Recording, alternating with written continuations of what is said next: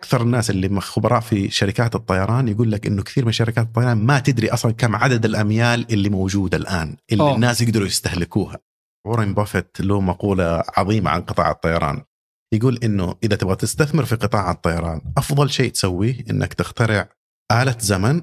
وتسافر ل 1903 إيه. تحضر ال- الحدث اللي تم فيه ابتكار الطيران إيه. المطار بالطيارة هذيك وتقتل هذول كل الشخصين. يقول هذه الطريقة الوحيدة لأنه القطاع جدا غير مربح. في في مقولة ثانية بعد. إيه. يقول لك آه، قطاع الطيران ممكن يخليك مليونير إذا كنت ملياردير.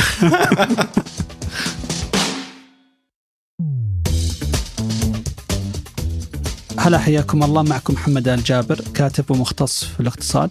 وهادي فقيهي أستاذ مساعد في الإدارة الاستراتيجية ومهتم بالإقتصاد والتقنية والتسويق. في آه، بودكاست جادي نحب نسولف في مواضيع مختلفة كل أسبوع ونحللها من زاوية اقتصادية.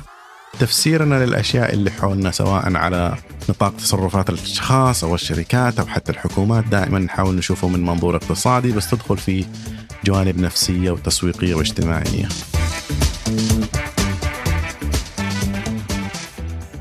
الحمد لله على السلامة. آه الله يسلمك محمد. كم طيارة أخذت لين تو رجعت السعودية؟ آه أعتقد كم؟ أربعة خمس. مشكلة لما تسافر لآخر الدنيا. من جد يا أخي ال- أنت توك راجع من نيوزيلندا؟ أي كان عندي مؤتمر هناك ف... وتقريبا يعني أطول الم- ال- المسارات دائما تصير وجهاتها يا أستراليا يا نيوزيلندا. يعني ك هي أطول رحلة في العالم سنغافورة إلى نيويورك. هذه okay. أعتقد أطول رحلة في العالم. لكن بعدها على طول رحلات أوكلاند. رحلة أوكلاند و- وفي في شيء راح سيدني وملبورن. يعني المنطقة هذيك من العالم اللي هو آخر الدنيا. فك أنا اللي أذكره إلى سيدني كان 14 أو 13 ساعة وإلى ملبورن حدود 14 تقريبا نفس أو 15 ساعة يمكن أقرب من من إذا أخذتها عن طريق الإمارات سواء الإماراتية أو الاتحاد. فهي يعني يمكن هذا هذا الكلام له فترة فالحين اضافوا رحلات آه، من آسيا إلى أمريكا يعني آه، آه، طويلة لكن رحلاتها مرهقة 14 15 ساعة في الطيارة. تضيف عليها أتوقع توصل إلى 16 ساعة إذا حاولت إذا كانت الرحلة من دوحة إلى أوكلاند. لأنه أي رحلة تعدي بأستراليا نيوزيلندا تضيف عليها ساعتين ساعتين ونص. زيادة. بس بلد يستاهل يعني أول شيء طبيعة جميلة إيه. آه، ناس طيبين. وأهم شيء بالنسبة اللي يحب الطيران من عشاق الطيران هي من أفضل الوجهات إذا تبغى تكسب أميال. لأنها بعيدة مرة. بعيدة جدا خصوصا إذا كنت مع الشركات اللي باقي تحسب بالأميال مو بالفلوس اللي دفعتها. إيه. فعلا حتشوف آه، عدد الأميال عندك ال- عند خطوط السعودية يحسبون بالأميال؟ هم آه، غيروا غيروا قريب من قريب ال- السياسة حقت فرسان ما أعرف صراحة ما عاد أسوي عادة هيكلة بس صارت الآن على الأقل إنه في كل درجة ينحسب لك عدد أميال أقل. حتى في مثلا في ال economy عندهم اللي هي ال basic و flex و هذه موجودة يعني لها فترة تعدلت بس أي. لأنه ال- ال- أنا كنت أقول ليش يقول لك كم ميل حصلت. يمكن. حسبتها بس شيء تسويقي. بس طلع إنه البرامج حقت الولاء في البداية طلعت فعلا إنك أنت تأخذ ميل على كل ميل تسافره ميل فعلي. أي. وبعدين لما تجي تبغى تأخذ الرحلة حقتك يعني أو تروح تسترجع النقاط مقابل أو الأميال مقابل رحلة فيكون الوجهات ثابتة. فأي رحلة داخلية طبعا في أمريكا الكلام هذا أول ما بدأ. أي رحلة داخلية مثلا 25 ألف ميل. خلاص تأخذ لك رحلة. داخلية. تغير ذا الشيء لاحقا من قريب تغير.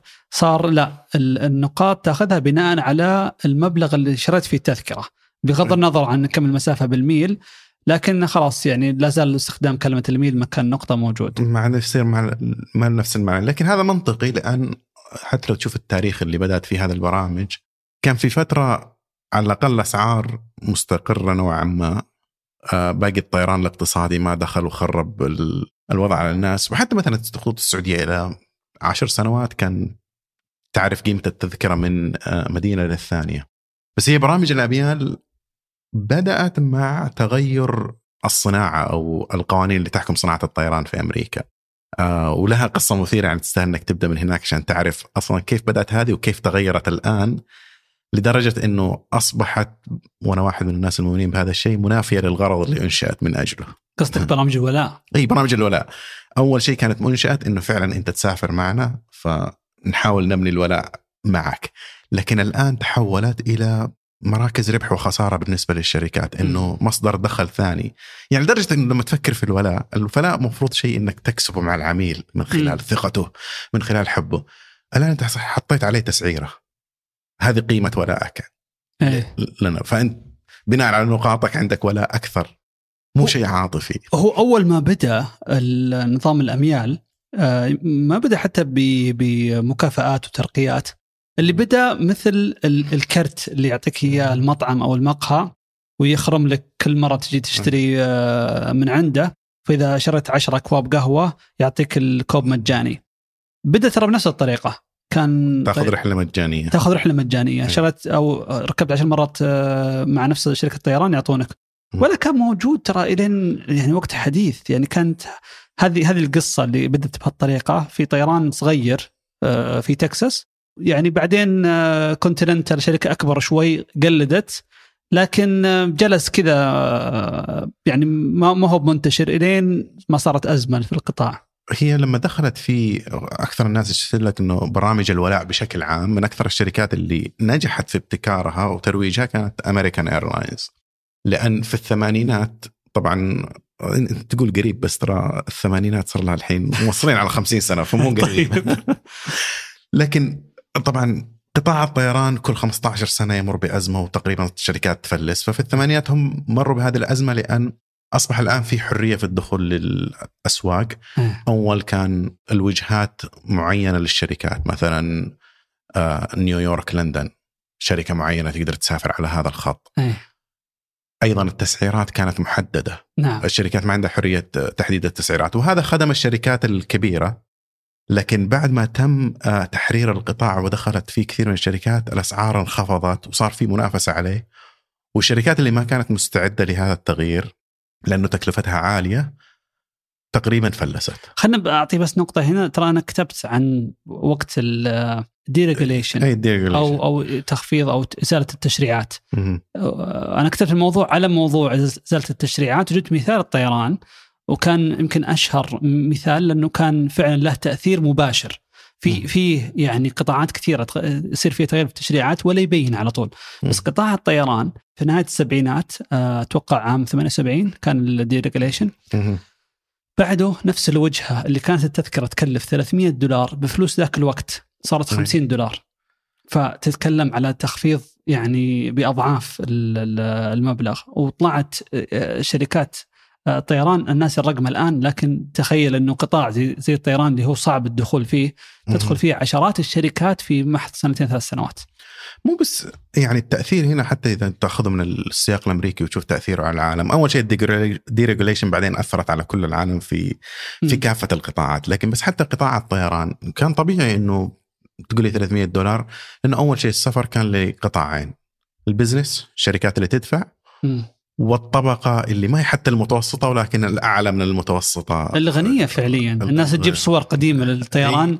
ترى لأنه كان كل الطيارة عبارة عن first class أي أول ما تدخل آه، في martini أو مشروب ينتظرك آه، يجلسوا في الكراسي هذه الكبيرة بس. بعضهم يحط شيف في في الطيارة يجيب لك الأكل. لكن ترى في في نقطة أنه ليش كانت الخدمة عالية؟ لأن السعر كان محدد. فلما السعر محدد وفي شركتين مثلا محتكرة مسار معين. ما يقدرون ينافسون بعض إنهم يعرضون لك سعر أفضل. فكان الوسيلة الوحيدة إنك تختار شركة طيران عن شركة أخرى انه يعطيك خدمة أفضل. فصار يعني إنهم يعطون مساحة أكبر وخدمة وشيف للطيارة. فأتوقع آه، يوم يعني تغير السوق أو أو رجع صار سوق طبيعي في عرض وشراء كل واحد يحط سعره زي ما يشوفها مناسب. الآن اضطروا يتعلمون المنافسه من جديد ويمكن سبب آه، نشوء خلينا نقول برامج الولاء إنهم يبغون يجذبون آه. ليش تختارني ما تختار مع شركة ثانية إنه إنه يكون عندي مكافآت لك على المدى الطويل. بس الغريب في الموضوع إنها ترى صح إنه برامج الولاء قد وجدت من أول لكن امريكان ايرلاينز اللي هي الأنجح واللي نشرتها وبعدين كل الطيران الشركات الأخرى تبنتها تقريبا الموضوع جاء لهم بالصدفة لأن في البداية هم كانوا على وشك الإفلاس. فكانوا يحاولوا بأي طريقة وجابوا أكثر من أفكار كيف إنهم يزيدوا معدل الدخل. واحدة منها إنهم جابوا تذكرة للعمر. تشتريها اللي هو يسمونه lifetime pass أي. تدفع مبلغ واحد مرة واحدة بس وبعدين يحق لك تسافر على درجة الدرجة الأولى قد ما تبغى هذا اللي اللي شراها مارك كيوبن إي شراها مارك كيوبن تقريبا كل اللي شراها ما يجي 100 واحد بس. تق... وقتها تكلفتها كانت ربع مليون دولار ما يعادل تبي تعرف كم الحين؟ مليونين ريال تقريبا إذا حولناه بال آه للسعر الحالي إلى وحولناه للريال. الآن إيه. واحدة من الأفكار الثانية اللي جربوها إنهم قالوا إذا جت الطيارة بتقلع وهي فاضية يبدوا يبيعوا التذاكر بأسعار مخفضة جدا مم. فكثير من الناس صار يقول طيب يروح المطار وينتظر. اي ليش احجز من أول؟ مم. الناس اللي كانوا مضطرين يحجزوا من أول هم اللي يحجزوا على درجة الأعمال وطريق عن طريق الشركات وبدأت أيضا هذول الأشخاص يتذمروا إنه ما في عدالة. أنت تجبرنا نحجز من أول ولكن في النهاية تنزل أسعارك.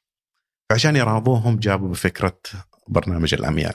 إنه خلاص أنتم بما أنكم تسافروا معنا وكان بدايته محدود فقط على قطاع الأعمال. تصيروا تستحقوا هذه المكافأة. تجمع اميال وكان وقتها يعني آه، مقابل كل ميل مسافة في رحلتك تأخذ لك ميل رصيد وهذه تحولها إلى رحلات. تحولها رحلات إلى ما بدأوا يكتشفوا إنه هذه البرامج يعني جذابة جدا واصلا لها قيمة لوحدها غير قيمة ال business، يعني أنت تقدر تطلع منها ربح خاص فيها بغض النظر عن أرباحك من عملية الطيران. بس بس قبل كذا يعني التغيير اللي صار إنها صارت بدل ما هو بكل ميل تسافره في لك ميل رصيد ترى قاعدة كانت موجودة إلى قريب بس تدري متى بدأ الموضوع يتغير؟ متى؟ اللي صار إنه آه، تعرف دائما الرحلات المباشرة مع الكمبيوترز آه، في التسعير يشوف عليها طلب أعلى فسعرها أعلى من الرحلات اللي فيها وقفة فصاروا الناس اللي يبون يجمعون أميال يروح ياخذ الرحلة الابعد اللي هي. أرخص أصلا وياخذ أميال أكثر. فأنت مثلا أخذت رحلة مباشرة مسافتها ساعة وأخذت لك 400 ميل. بينما الثاني خذ ترانزيت وجلس آه، ساعتين زيادة أو شيء في ال- في المشوار لكن لأن فيها يعني وقفة وكذا أخذ له 800 ميل وبسعر أرخص. فصارت الشركات تخسر فلوس من ال- العملاء ذول فصار تغير لأنه المعادلة قبل كانت يعني تحصل على أميال بعدين تأخذ عليها رحلات إضافية بمبلغ ثابت أو بأميال ثابتة. فكان 25 ميل يعطيك رحلة محلية في أمريكا. ولكن متى أول مرة حطوا قيمة مادية عليها؟ يوم صار في آه، اتفاقية بينهم وبين هيرتز اللي هم تأجير السيارات. انت تقدر تحول آه، أميالك إلى سيارات إنك تستخدم أميال إنك تحجز فيها في السيارة أو إذا حجزت من هيرتز تحصل على أميال عندي. فوقتها اضطروا انهم لأنها شركتين منف- منفصلة صح. فاضطروا انهم يحطون قيمة نقدية على هالاميال لأنه قبل ما في أي احد حط عليها قيمة نقدية. آه إنه خلاص أنت تجمع اميال و25000 تشتري لك رحلة داخلية. كم بس- قيمتها؟ ما يعني ما هو محدده لأنه ممكن تأخذ رحلة مسافتها ساعة أو شيء مسافته أربع ساعات. فال 25000 ميل تقول كم قيمته؟ يمكن تكون 50 دولار يمكن تكون 500 دولار. أعتقد حتى محاسبيا تحتاج وقتها ما كان عليها. ما كان لها. معالجة محاسبية. بس حتى ما نبغى ندخل في الموضوع إنه حتى الضرائب مفروض إنك تقدر تحسب قيمة لأنه أي شيء تحصل عليه مجاني. هذه مع معفيه من الضرائب أو ما تدخل في الضرائب الأميال. آه أوكي. الأميال معفيه من الضرائب. طب أعطيك كم كم كان المبلغ للأميال وقتها؟ كم؟ كان مقابل كل ميل واحد سنت. هذا كان transaction. فلو تجي تحسبها في ذاك الوقت 25 ألف ميل ما يعادل 250 دولار. ولكن معدل الرحلات في أمريكا في عام 82 اللي كانت المحلية كانت 50 دولار فبمعنى الأميال اللي أنت حصلت عليها اللي تقدر تاخذها برضو آه، عن طريق. هيرتز أو شيء قيمتها يعني American Airline اتفاقهم مع هيرتز إنه. ترى إذا العميل جاكم معاه 25 ألف ميل ترى 250 دولار لو أخذها عن طريق رحلة عن طريقهم فكأنه أعطاهم آه، أعطوها آه، منتج بقيمة 50 فال 200 الزيادة اللي اخذوها من هيرتز هي تعتبر ربح لهم. أتوقع هذه اللحظة اللي هم اكتشفوا انها مربحه أكثر من انهم يعطونا ممكن هذه اللحظة وهذا الموضوع اللي ودي لاحقا حنتكلم فيه يمكن اللحظة اللي أصلا الأميال تحولت فيها من مجرد مكافآت إلى عملة وإن بالضبط. كانت عملة غير مقننة. لكن واحدة من من أهم التطورات اللي صارت هذه اللي هي ارتباطها مع بطاقات الائتمانية. البطاقات الائتمانية وأنا أذكر هذا الموضوع تكلمنا فيه لكن من أنجح الشركات اللي طبقت هذا الشيء كانت شركة دلتا. طبقتها مع امريكان اكسبريس بعدين انتشر. حتى الآن مثلا تشوف الخطوط السعودية بدأوا يوقعوا اتفاقيات مع كل البنوك. أول زمان كان فقط مع بنك واحد. صح. إنك الآن تقدر تكسب أميال من خلال مشتريات وعمليات ما لها علاقة بقطاع الطيران أي شيء تسويه. يعني اللي يذكر آه، فيلم جورج كلوني Up in the Air إنه الهدف كان عنده انه يجمع كم 10 مليون. الرقم فيقول إنه أي ريال أو أي دولار يصرفه ما يحقق له أميال يعتبر شيء خسارة ما يسويه. لكن هنا جد الفكرة إن الآن نقدر نبيعها لأن العملية اللي تشتغل فيها مع شركات البطاقات الائتمانية شركة البطاقة الائتمانية تشتري الأميال هذه من شركة الطيران. وتدفع لها المبلغ في وقتها وبعدين تكافئ فيها عملائها. لدرجة إنه السنة الماضية كمية الأموال أو العوائد اللي جنتها دلتا وهي واحدة من أكبر شركات الطيران في العالم من أمريكان إكسبريس مقابل فقط الأميال أكثر من دخلها من عمليات الطيران. أكثر من ارباحها من الطيران. ما اعرف إذا كان أي أكثر من من الأرباح اللي حققوها من من عمليات الطيران. ووصل هذا الأمر إنه الآن صاروا يتفاخروا إنه 1% من الناتج المحلي الأمريكي الناتج المحلي الأمريكي تتكلم الآن كم؟ 22 تريليون دولار. 1% منه يكون عبارة عن عمليات تكسب فيها اميال على دلتا. تستخدم فيها البطاقات الائتمانية اللي اللي, آه اللي تكافئ بأميال من دلتا. أيوه فكل هذا الشيء الآن يعني الموضوع مو بس موضوع بس نشرح كيف البطاقة الائتمانية تستفيد إنها تحط شركة طيران أو يعني كيف لأنه أتوقع إحنا ذكرناها في حلقة حقت البطاقة الائتمانية إيه؟ ولكن ما هي أو ممكن أغلب الناس ما هي واضحه لهم يعني كيف. ليش يستفيدون من البطاقه الائتمانية من إنه يكون عندهم مكافآت بهالشكل هي فقط لجذب العملاء م. يعني إيش السبب اللي يخليك تختار هذه البطاقة الائتمانيه ما تختار واحدة ثانية بس كيف آه. لأن بعض الناس يشوف في بطاقات ائتمانيه ما ما فيها رسوم سنوية أو شيء فيقول هو كيف يدخلون ارباح عشان يعطونه دلتا أو لا هو يدخلها عن طريق الرسوم على العمليات الشراء نفسها م. أنت لما تروح الآن تشتري بطاقة الائتمانيه من محطة من محل هو ياخذ هذه الرسوم ويعوض فيها كل التكاليف يعوض فيها تكاليف م. إصدار البطاقة وإدارتها وأيضا تكاليف المكافآت اللي أنت تأخذها. في واحد يدفع في النهاية. أي. هو اللي ما يبغى يرجع يسمع الحلقة هذيك لكن باختصار طريقتها كالتالي. لما تروح تشتري من أي محل ببطاقة ائتمانية تقريبا تقريبا 2.5% من قيمة العملية تأخذها بطاقة شركة بطاقة الائتمان. 2.5% هذه تتوزع. البنك اللي طلع لك البطاقة يأخذ آه، حصة حتى الشركة اللي اللي آه، تخدم الشبكة تاخذ حصة وفي جزء يروح لماستر كارد ولا فيزا ولا أمريكان اكسبرس اللي هم من 2.5% هذه ياخذون مثلا مبلغ منها. فالمبلغ هذا يعني يروح لفيزا خلينا ناخذها كمثال. ففيزا تحط جزء من هالمبلغ تدفعه كمكافآت للعميل عشان عشان كذا يعطونك نقاط ومكافآت. فممكن يعطونك نقاط عامة وتستبدلها عندهم بكروت هدايا أو من خلال بعض الشركات اللي متعاملة معاهم. واحدة من الخيارات اللي تكون موجودة شركات الطيران تحول عن طريقها أميال. وناس كثير تحب يعني تستخدم النقاط هذه في تبديلها في أميال لأنه يحسونهم يعني تذكرة وإجازة فإنه يعني ما صرف فيها فلوس جت من شيء كذا خارجي.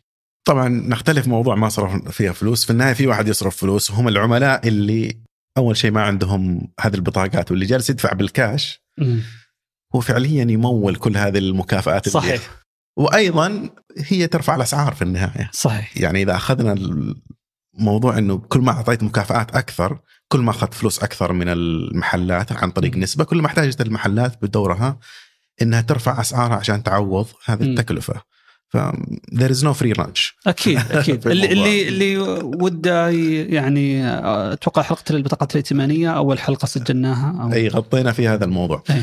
بس نرجع الآن ليش موضوع الأميال بالنسبة لي موضوع جدا مثير. انه صح إنه بدأ برنامج عادي جدا ومنطقي والواحد يفهمه.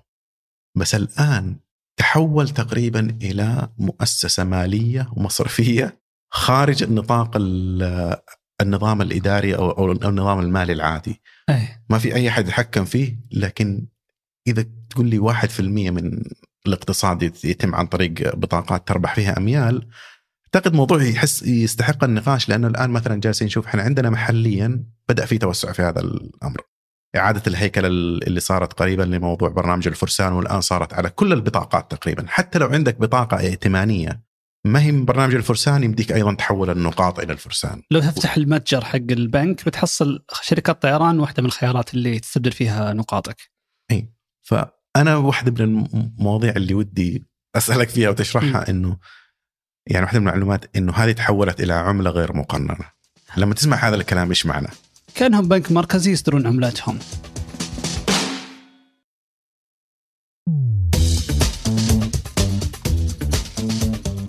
بس آه، على نقطة إنه حجمها كبير، هو فعلا حجمها كبير الدرجة يمكن آه، حتى الناس الماليين واللي في الصناعة مو متخيلينه. خلينا نعطيك وش صار في كورونا. أي. كورونا أسوأ أزمة مرت على شركات الطيران في التاريخ يعني. فالشركات الأمريكية كلهم عانوا وكانوا على على وشك الإفلاس. طبعا جاتهم بعض المساعدات لكن يحتاجون كاش، كاش مبالغ ضخمة. فراحوا للبنوك كلهم بدون استثناء إنه نبغى قروض بنكية، البنوك قالت الحين أنتم يعني تأخذون تمويل مقابل إيش؟ طياراتكم واقفة على الأرض، موظفينكم في البيوت، يعني ما في أي سفر فكيف راح تسدون ولا عندكم أصول لأن بحكم إن الطيارات صارت كلها أصلا مستأجرة يعني.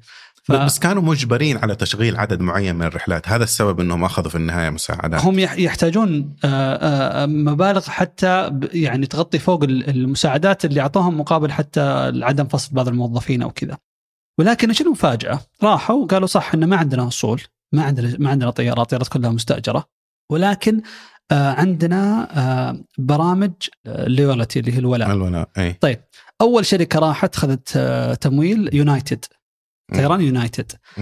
طيران يونايتد كان يبغى تمويل آه بقيمة 5 مليار دولار. فراح للبنوك وقال هذا المبلغ قال طيب وش اللي مقابل يضمن هالتمويل؟ قال بعطيكم اللي هو شركة اسمها MileagePlus Holding اللي هو اللي هو برنامج الولاء برنامج الولاء التابع ليونايتد.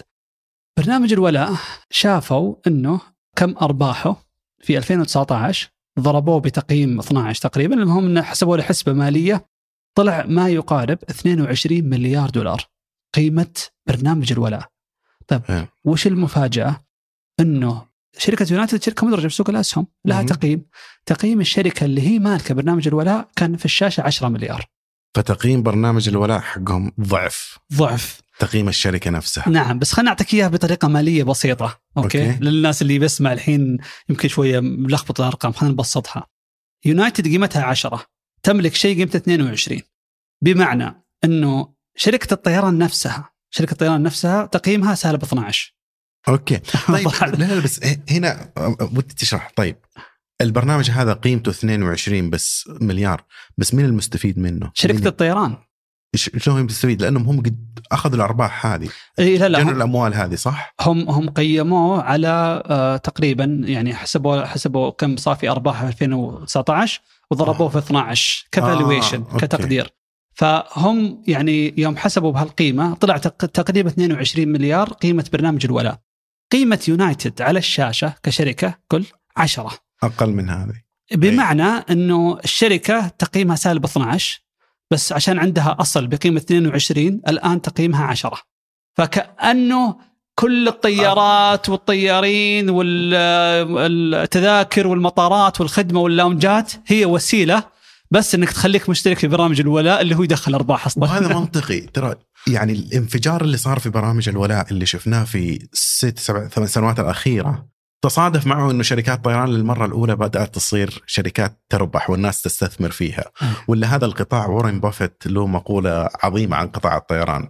يقول إنه إذا تبغى تستثمر في قطاع الطيران أفضل شيء تسويه إنك تخترع آلة زمن وتسافر ل 1903 تحضر الحدث اللي تم فيه ابتكار الطيران مطار بالطياره هذيك وتقتل هذول الشخصين. يقول هذه الطريقة الوحيده لأنه القطاع جدا غير مربح. في في مقولة ثانية بعد. إيه؟ يقول لك آه، قطاع الطيران ممكن يخليك مليونير إذا كنت ملياردير. منطقي. لأن إنت لو تطالع في أي قطاع وتقول إنه إيش الأشياء اللي تحفزني أستثمر فيه؟ أول شيء تبغى تدور على قطاع أصوله. قليلة، الاصول الثابتة فيه تكون قليلة، هذا ما هو موجود في قطاع الطيران. الشيء الثاني إنه قطاع المنافسة السعرية فيه غير عالية، أهم عامل المنافسة في الطيران مرة ثانية هو السعر. أيضا تدخلات الحكومة فيه، ففي كل العوامل اللي تخليه قطاع غير جيد للاستثمار، لكن أنا شخصيا ما أعتقد إنه هذه الفترة الذهبية اللي جالسين يعيشوها بسبب أرباح برامج الولاء حتدوم. لأنه خلينا نشرح كيف أصلا يربحوا منها، كيف م. تكون برنامج منفصل عن تقييمه لحاله أعلى من تقييم الشركة. إي هم أصلا يديروه يعني أي شركة يكون عندها اللي تسمينها مراكز ربح، إنه م. هذا ال business له ربحه وخسارته بشكل مستقل عن الأجزاء الثانية من من ال business. اللي يصير إنهم جزء كبير منه يبيعوا هذه الأميال على البطاقات الائتمانية. غالبا يبيعوها بسعر أقل من قيمتها الفعلية للعميل. وهذا اللي يصير دائما مع شركات الطيران إنه كل فترة يراجعوا القواعد اللي كم نقطة تقدر تستبدل عشان تسافر. أيه. آخرها الإماراتية. الإماراتية في بداية هذه السنة أعادت هيكلة كمية النقاط اللي تحتاجها عشان تسافر business وتسافر first class تقريبا قللت قيمتها الفعلية بنسبة 20% هذا كأنك تروح للبنك. م. تخيل أنك أنت تروح للبنك وتأخذ منه قرض عشان تشتري سيارة. بشرط إنك تشتري السيارة منه. ما تقدر تشتري منها. العملة اللي يعطيك أو القرض اللي يعطيك تقدر أيه. تستخدمه بس إنك تشتري السيارة من البنك. بعدين لما تيجي تبغى تشتري السيارة يقول لك أوه معليش سعرها ارتفع. أوه. هذا نفس الشيء اللي يصير مع الأميال. يعني أنا أنا بطلت أو حتى أنا ما أنا مقتنع إني أخذ لي بطاقة أجمع فيها أميال. لأن نفس النقاط ممكن أخذها على بطاقة ثانية أشتري فيها منتجات إلكترونية أو أي شيء إذا كان عندهم آه، متجر. صح. لكن بطاقة الأميال أنت محدود بأميال فقط وعلى شركة واحدة فقط. اليوم أنت تقول لي هذه الأميال قيمتها مثلا الخطوط السعودية 4500 آه، نقطة للرحلات الداخلية للرحلات الداخلية م. بدأوا اذا زادت المنافسة على على الرحلة وارتفع سعرها يقدروا يرفعوا آه، قيمة النقاط اللي تحتاجها.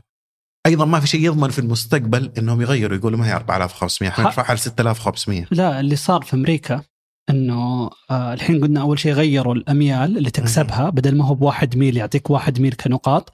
صار لا إنه بحسب ما اللي صرفته اللي شريت فيه التذكرة. نفس الرحلة متى كم دفعت فيه؟ دفعت 800 دولار 1000 دولار 50 دولار. اللي دفعته بنعطيك مقابله أميال. وصارت إنه مقابل كل دولار تدفعه يعطونك خمسة نقاط أو خمسة اميال لكن بس وش قيمة الأميال هذه؟ بالضبط. أول كان رحلات ثابتة تذكرة داخلية بكذا ميل. غيروا حتى مبلغ الصرف. فصار التسعيرة حقت الاسترداد أو الريدمشن تتغير على حسب قيمة الرحلة. فكأنه برضه حددوا سعر للصرف. فتصير أنت إذا مثلا الرحلة في وقت عليه موسم ورحلة غالية راح تستهلك أميال أكثر. زيها زي الدولار. فلما تحسب هذه وهذه قطعا يعني ما هو. أنت ما أنت بربحان هم واذا وإذا حصل إنه في أحد أو صار في مرحلة إنه والله العميل صار يربح أكثر من الشركة آه، لأنها ما هي بعملة عملة هي في الأخير نقاط يتحكمون فيها كل شركة لحالها. هي عملة. م. هي عملة بس هي أقوى من عملة لأن لأنك مو بس تتحكم في إصدار العملة أنت تتحكم في مكان صرف العملة. تتحكم بسعر الصرف وسعر الصرف في نفس الوقت يعني الآن لو يكتشفوا إنه في رحلة معينة أكثر البوكينج جالس يصير عن طريق نقاط وحنخسر على هذه الرحلة أرفع سعرها. ببساطة. يعني أنت القاضي وأنت المحكوم والحكم والقانون وكل شيء طالع من من جهة واحدة ولا في أي أحد يقدر يتدخل ويقول لهم إنه ما تسووا هذه الممارسات. تكلمت عن الجانب السلبي. طب في جانب إيجابي في الموضوع. انه القطاع أفضل سنوات مرت عليه هي العشر سنوات قبل كورونا. كانت عشر سنوات مربحة. والآن رجع يتعافى. رجع يتعافى. خلينا نقول الفترة هذيك وش اللي تغير فيها؟ تغير فيها شغلتين.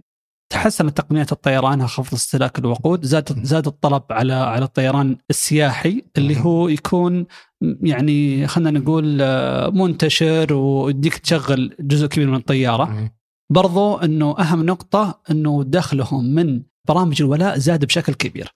فكأنه برامج الولاء خلت القطاع يعني بحكم إنه يربح من برامج الولاء يعطي تذاكر بسعر كويس فخلي ناس أكثر تستخدمه زيادة عدد الناس يعني يدعم توسع في القطاع فيخليها يعني خلينا نقول اقتصاديات الحجم انه صار عندك ايكونومي في سكيل إنك تشتغل. وأغلب الناس مستفيدة إنه صار التذكرة إذا قلنا تذكرة في السبعينات على رحلة داخلية في أمريكا كانت 300 دولار والحين بعد آه، ما يقارب 40 سنة يعني وقت في آخر 10 سنين.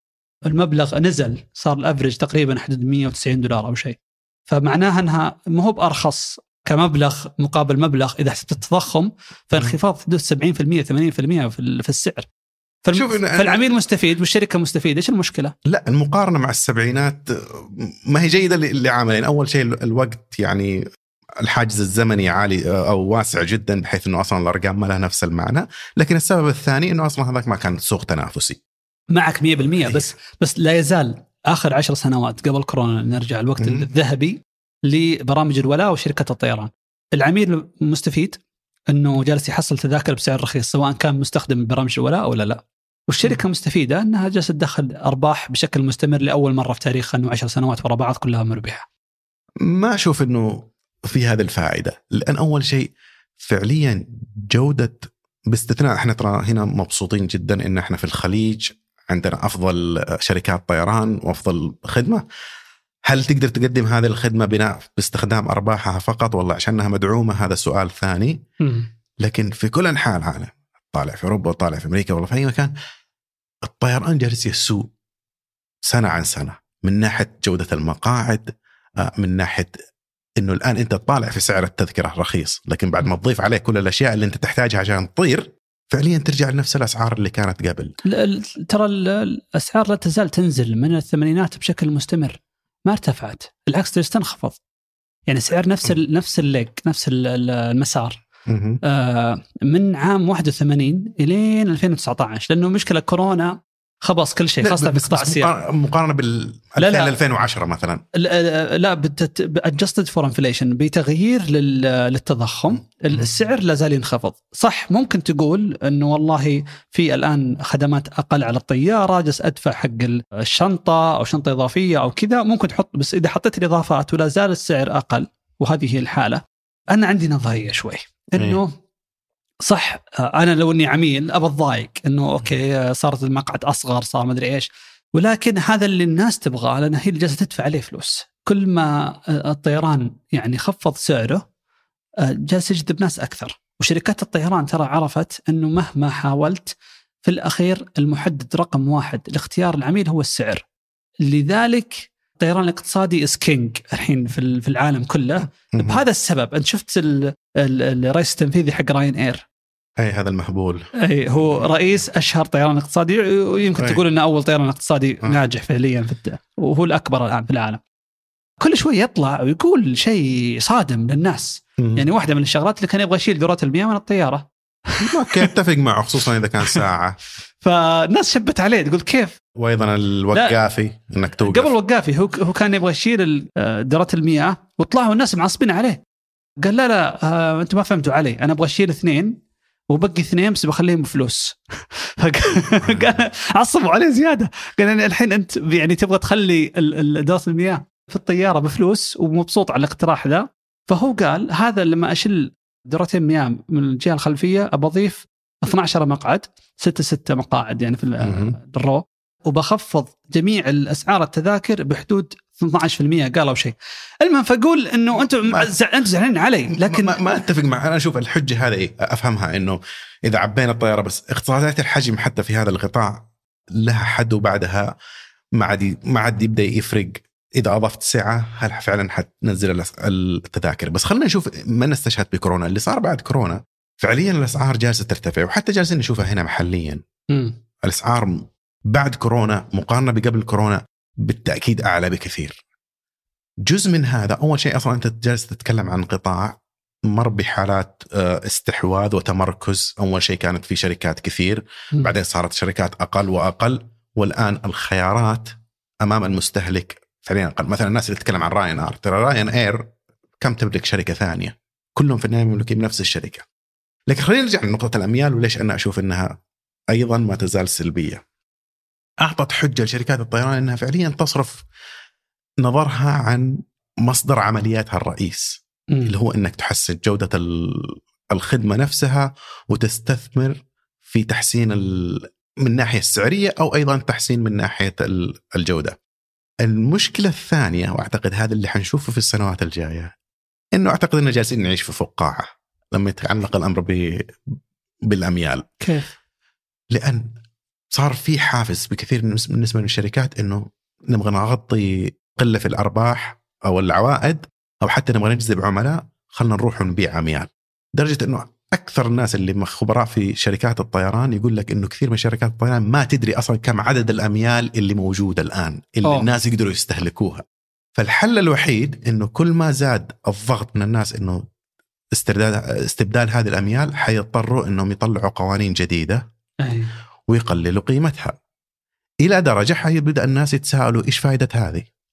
أنا الآن مثلا عندي مليون ميل وأعتقد إني حاطير فيه 11 رحلة حول العالم بعدين تنزل ل 10 بعدين تنزل ل 9 أعتقد الإيمان فيها حيبدا ينهز وإذا انهز زي ما قلت مع آه قيمتها بت... بصير بصير في تضخم غير hyperinflation يعني تضخم غير ممكن إدارة. لا لا في هذه الحالة يقدروا يتحكموا في التضخم. فقط اللهم إنه يعدموا قيمتها. يعني التضخم يصير يمكن عشان انت ما تقدر تتحكم في أسعار المنتجات من الجهة الثانية. م. بس هنا يقدروا هم يتحكموا في أسعار التذاكر.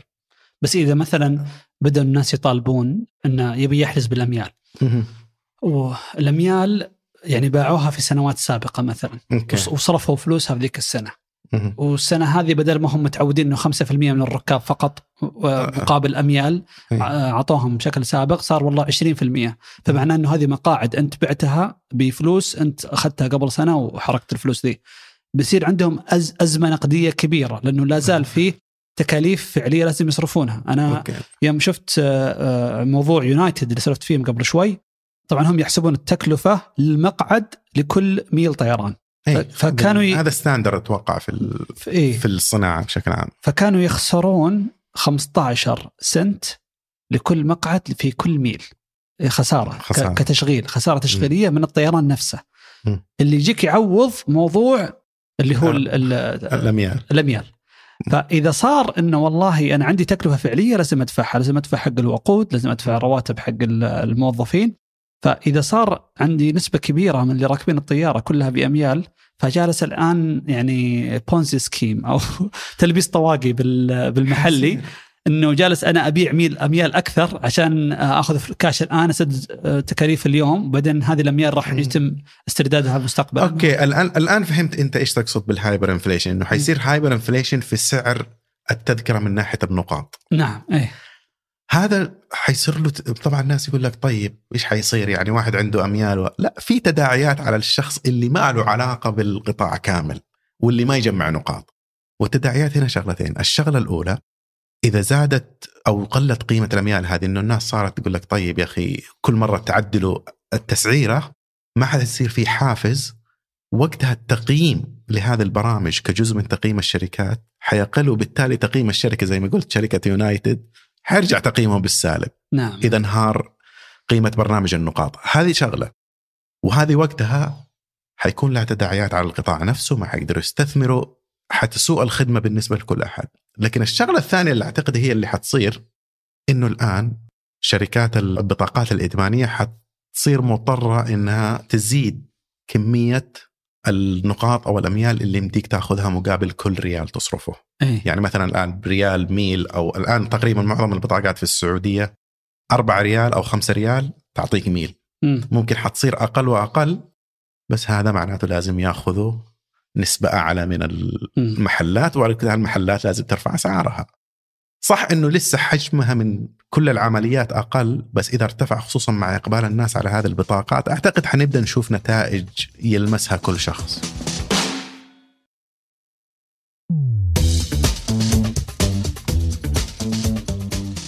هم يعتمدون أنه أغلب الناس ما راح يصرفونها لميال.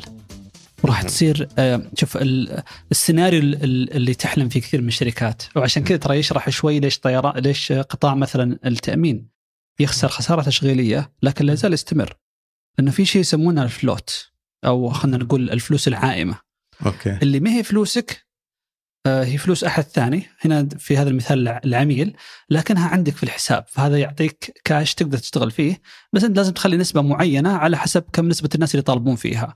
وتأمل إن نسبة كبيرة يعني ينسى عن الفلوس هذه تبقى عندك. يمكن أشهر مثال الآن آه، تطبيق ستاربكس okay. تطبيق ستاربكس اللي في أمريكا إذا شحنت التطبيق بمبلغ مثلا 50 دولار أو شيء حطيته عندك رصيد في التطبيق. ما تقدر تستخدمه إلا تشتريه من قهوة ستاربكس كثير من العملاء مثلا يشحن ب 50 ويصرف هالمبلغ خلال يعني ما يروح كل يوم ولا شيء فيطول عنده فيجلس رصيد وبعضهم يعني ينسى عنه ينسى 5 دولار 10 دولار إلى هذا موجود أيضا عندنا في كريم و HungerStation يمديك تشحن. يمديك تشحن البطاقة. أي. بس الغريب وين؟ إنه الآن حجم المبالغ اللي موجودة عند ستاربكس في التطبيق. اللي اللي ما تنسحب. يعني مقابل كل فلوس تنسحب في فلوس تشحن في التطبيق. ففي مبلغ ثابت. هذا يسمونه فلوت الفلوس. العائمة. حلو؟ حجمها الآن 1.8 مليار دولار. طبعا آه كمفارقة في في أمريكا إذا أنت عندك وديعة في بنك آه يؤمن عليها إلى حد أقصى 250 ألف دولار. آه وتقريبا أغلب البنوك هو برنامج اختياري بس أغلب البنوك مسجل اف دي اي C ال FDIC لو لو ستاربكس بنك حجم الودائع هذا بيخليهم أكثر أكبر من 90% من البنوك اللي في أمريكا. okay أنا أفهم إنه الرقم هذا يعني رنان بس ترى معظم البنوك هناك حجمها صغير. ترى سهل الواحد يروح يعني مجموعة يتجمعوا ويفتحوا البنك ومعظم هذه البنوك أصلا ما تقدر حتى تمول مشروع يعني تمويلها شخصي صحيح. وتكون تعاونية ف لكن ستاربكس وش اللي آه، آه، آه، بس يعني إحنا عندنا كيف نظام. النقاط عندهم؟ يشتغل عندنا؟ لا هنا ما تقدر تشحن إلى الآن اللي أنا أعرفه ما تقدر تشحن بس كل ما اشتريت تكسب نقاط. تكسب نقاط. بس هنا المفارقة تذكر كلمتي قبل قبل حلقة أو حلقتين؟ يوم كنت أقول لك يعني حجم المشاريع أو ال businesses اللي قائمة على قدرات الناس البسيطة في الرياضيات. فهم قائمين على ذا الشيء. في ستاربكس أنت إذا صرفت 10 ريال يعطونك أربع نجوم. هذه المعادلة اللي حاطينها. طيب كم تحتاج نجمة علشان تاخذ آه، مكافأة اللي هو مشروب مجاني؟ يمكن شيء زي 300 و... 250 okay. فأنت تحتاج 250 نجمة. فأنت إذا حسبت إنه كم تكلفة النجمة كذا كذا عشان يعني كم تبغى تحسب كم أصرف عشان أخذ مشروب مجاني. لازم تصرف 625 ريال في التطبيق عشان تاخذ يعني آه، مشروب واحد مجاني. أتوقع إنه أغلب الناس ما هم عارفين يعني إنه المكافآت بهال يعني اللي اللي كان قبل يعطيك بطاقة فيها عشرة أكواب وبعدين يعطيك كوب. والله أحسن بكثير. أحسن بكثير. يعني ممكن تصرف 150 ريال أيه. ويعطيك كوب مجاني. هذا 625 ريال. لكن هم يعتمدون يعني 10 أكواب من ستاربكس على أسعارهم يعني. هم يعتمدون إنك ما تحسب بالضبط كم.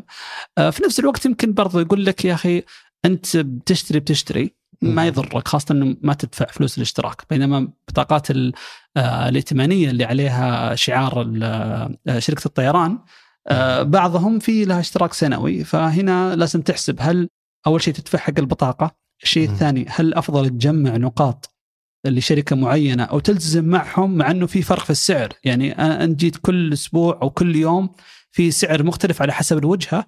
فممكن الشركة اللي أنت لك يعني برامج ولاء فيها وتبغى تستمر معها سعرها أغلى بالدبل من شركة ثانية، هل تسوى إنك تحط فلوس فيها عشان فيها نقاط أنت لا لا كل النقاط ما تسوى إلا إذا كان خصوصا إذا كانت نسبة من الصرف.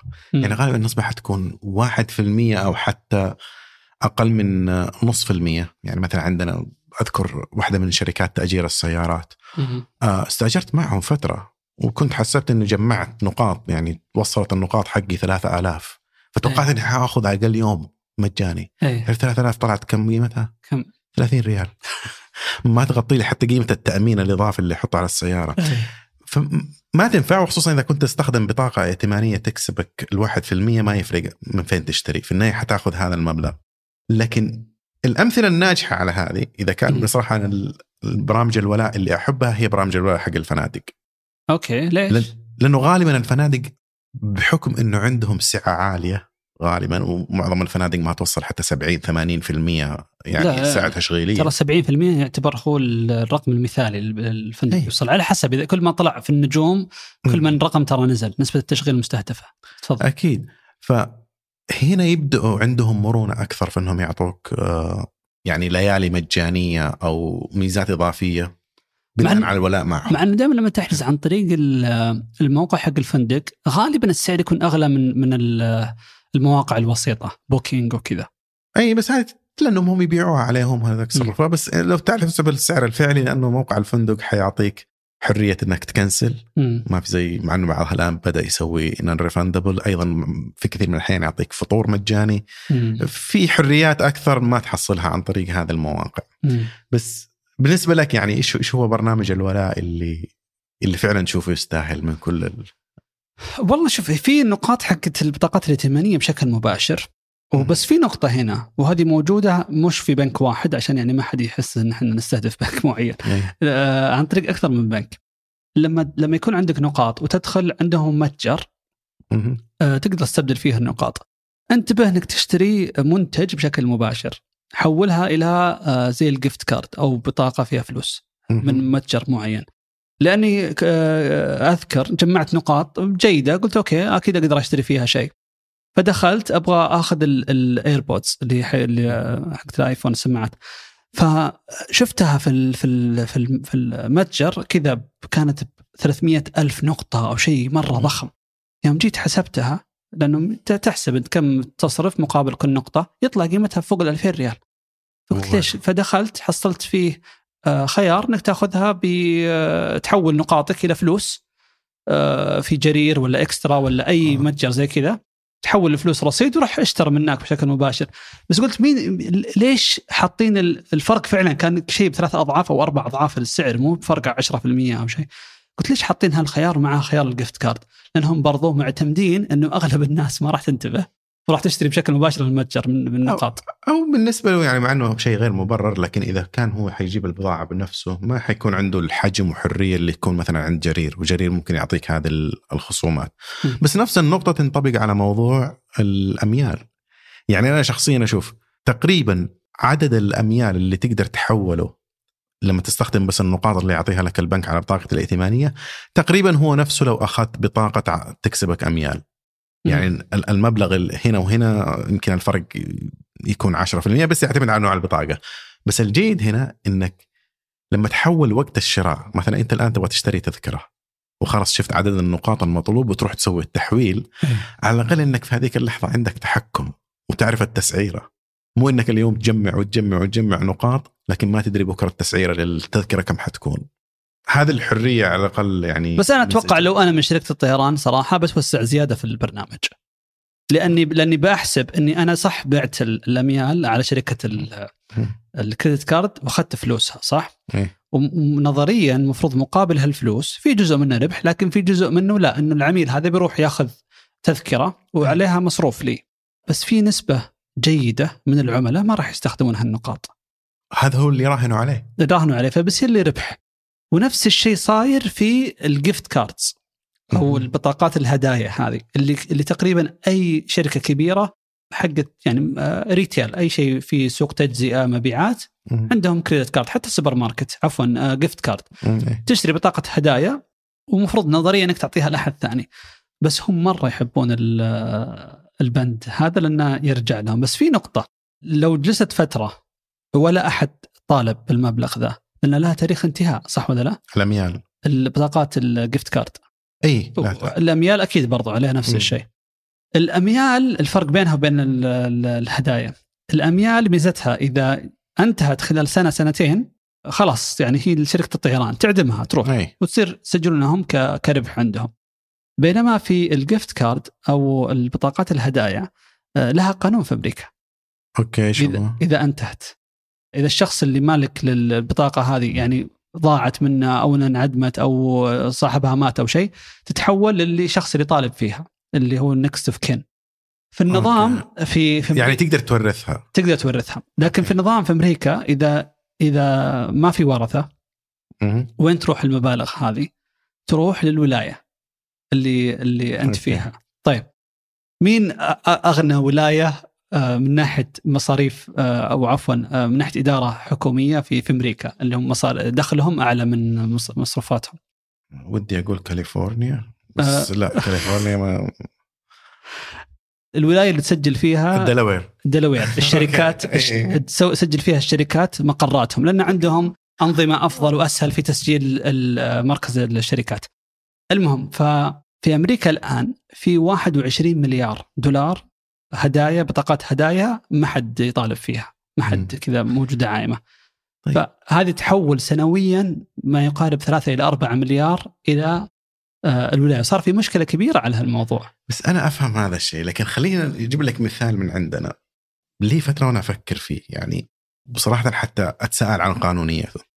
الآن لو تشحن جوالك آه، تطبيق STC وأتوقع كل الشركات نفس الشيء أي. تشحنه برصيد أي. يقول لك في صلاحية للرصيد نعم طب هذه هذه فلوس أنا معطيكم ليش ينتهي صلاحية الرصيد؟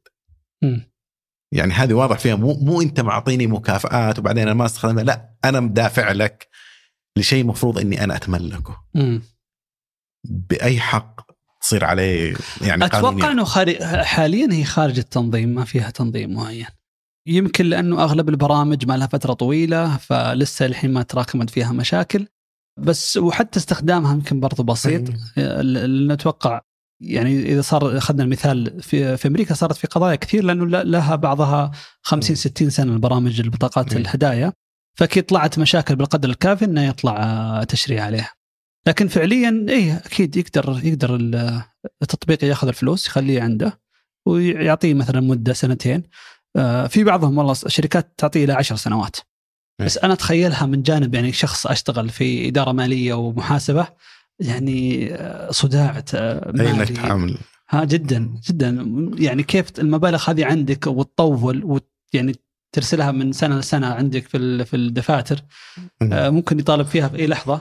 وخصوصا إنها تتحول إلى التزامات صح؟ اي تبدأ تخرب حسبتك والمعايير اللي أنت تستخدمها محاسبيا عشان بالضبط. وبالنسبة يعني في أمريكا هم يحبونها جدا لأنها النقاط أو البرامج الولاء آه، وإن كان لها قيمة مالية بس تراها ما ما تعتبر ك ما تعتبر كدخل شركة الطيران. فتكون بدون ما عليها ضرائب. اللي أنا أعطيك كنقاط بس أيه. مو اللي يبيعوها لشركات لا اللي اللي يبيعونها مقابل المبلغ نفسه هذا إيراد بالنسبة لهم. لكن اللي جالسه أنت تحصلها من برامج الولاء ما ما عليها ضريبة ويعتبرونها حتى على العميل ما يعتبرونها دخل إن كان فالعميل والشركة كلهم مبسوطين بس بمعايير بدون ما ندخل في في حوسة بالمعايير في السعودية ما أتوقع لأنه الزكاة تحسب كوعاء ودامها التزامات راح تدخل عليك في, في الوعاء يعني وعاء؟ وعاء يعني في أكثر من بند في القوائم المالية آه، يحسبون عليه الزكاة ليس فقط صافي أرباحك. فيحسبون يعني في صافي الأرباح طبعا واحدة منها لكن يحسبون إلتزاماتك طويلة المدى يحطون رأس المال العامل يحطون عدة بنود ويخصمون منها بنود أخرى صافي المبلغ اللي يسمونه يعني وعاء يعني هذا اللي صافي المبلغ اللي تطلع عليه الزكاة فاحيانا أو أغلب الأحيان مبلغ الزكاة مقارنة بصافي الأرباح أعلى من 2.5% لأنه في بنود ثانية تدخل فيه. أوكي. اي فإذا كان البرامج الولاء هذه تدخل عندك في الإلتزامات وبعد مثلا بعد سنة ما ما حطالب فيها راح تصير التزامات طويلة المدى آه، طويلة الأجل عفوا. okay. آه وراح تضطر إنك تزكي عليها.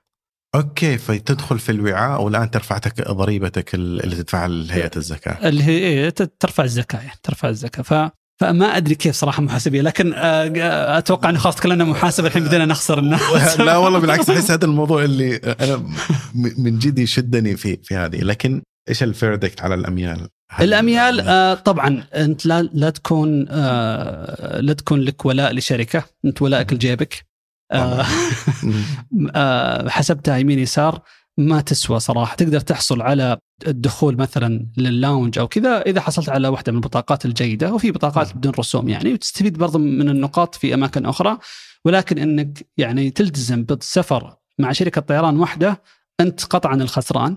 أكيد. إذا حسبت على مدى 10 رحلات 20 رحلة مين أرخص آه، تذكرة كل مرة وكم سعر شركة الطيران اللي أنت مسجل معاهم بتحصل الفرق بعد 10 رحلات يمكن أقل بعد مم. خسران أنت 100% مقابل كل مقابل كله حتى هم يغروك بموضوع ال lounges صراحة الآن مم. أزحم مكان في المطار مم. واقرف مكان في المطار صارت ال lounges بتكدس الناس فيها بالعكس إذا تبغى زاوية هادئة خصوصا طبعا على حسب ساعة المطار. بس إذا كان مطار كبير تحصل زوايا اهدى إذا بعدت عن lounges أو خذ بطاقة عادية وادخل اللاونج و... ولا يصير يعني آه، هدف تجميع الأميال عن طريق الشركة هو هو هدفك. إذا كان هي أصلا النقطة اللي بدأت من بداية الحديث. إذا كانت الشركة هي اللي تدفع يعني شركتك تدفع لك للسفر آه، وبينما أنت تأخذ التذكرة باسمك فأنت. مستفيد من الأميال صح وقتها ممكن تختار نفس الشركة تسافر معاهم انك راح تجمع لك النقاط وأنت تستفيد منها. وهذا اللي صاير هي بدايتها كذا أصلا. يعني إلين يمكن آخر عشر سنوات ترى في أمريكا كان تقريبا هذا الجمهور الرئيسي للأميال. بعدين بدأت طلعت ثقافة السفر وأجمع أميال وأدخل lounge وسوي upgrade فأنا أشوف إنه أي ميزة ممكن تحصل عليها إذا صارت جيدة بالقدر الكافي شركة الطيران راح تعرضها كمنتج في الأخير. يعني أنا من فترة صار آه، حتى لو أحجز economy آه، قبل الرحلة ب 48 ساعة أو أو 24 ساعة يجيك إيميل إنه ترى عندنا مقاعد business فاضية. ادخل سوي bid عليها. بعضها ب 150 أو 200 دولار تحصل على upgrade تحصل على هذا بس للأسف وهذا اللي رجعني أنت يعني واحدة من كان من نقاط نقاشنا إنه العميل مستفيد، العميل مو مستفيد كثير من برامج الولاء لأن العميل اللي فعلا هو عنده ولاء. مو العميل لأن العميل اللي جالس بس يستخدم البطاقة الائتمانية هذا ما عنده أي ولاء. م. هذا بالنسبة للموضوع تجميع. لكن اللي يسافر معك وجالس يجمع هذا النقاط فعلا عمليات سفر وبعدين ترجع وتغير تقييمها وتضره في النهاية أعتقد إن هي نقيض الولاء. م. بالنسبة لي يعني الخلاصة من هذا الحديث كله إن برامج الولاء اللي بدأت فعلا لمكافأة أفضل العملاء عندك تحولت إلى نقمة على هذا العملاء. صحيح. لما حولوها إلى منتج فيه ربحية وخسارة. ف إيه ولا أكل جيبك. ولا أكل جيبك و... ولا أحد يعيش الفانتسي حق جورج كلوني. إنه يسافر كل اي ويجمع 10 مليار وخلاص ترى اللي ذكرناه قبل اللي هو آه ال airpass إنك تقدر تسافر بشكل لا نهائي على درجة الخطوط عفوا الدرجة الأولى. هذه ترى وقفوه على طول لأنه طلع خسارة. مارك كيوبن خذاه وكان يسافر درجة أولى آه كذا يروح من آه غرب أمريكا إلى شرقها يتعشى ويرجع. ف... بس بس للأسف على امريكان اسوء الخطوط لكن. لو تبغى تسعره لو تبغى تخليه مربح كم المفروض يكون سعره الآن؟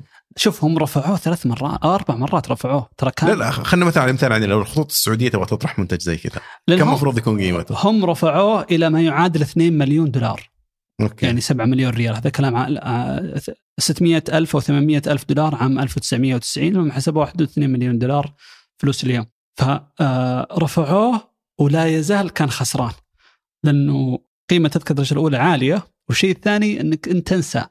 إذا كان شيء مجاني يعني الناس راح أصلا اللي يقدر يدفع المبلغ في الغالب عنده وقت. أوكي. مو هو بشخص يعني مرتبط بدوام وإجازته أسبوعين ثلاث أسابيع في السنة. فما أتوقع إنك بتحط رقم تقول والله 5 مليون ولا 10 مليون بصير مربح. ما أتوقع إنه بصير مربح لأنه أنت لازم تحسب التضخم بعد. هم يوم باعوه 250 ألف.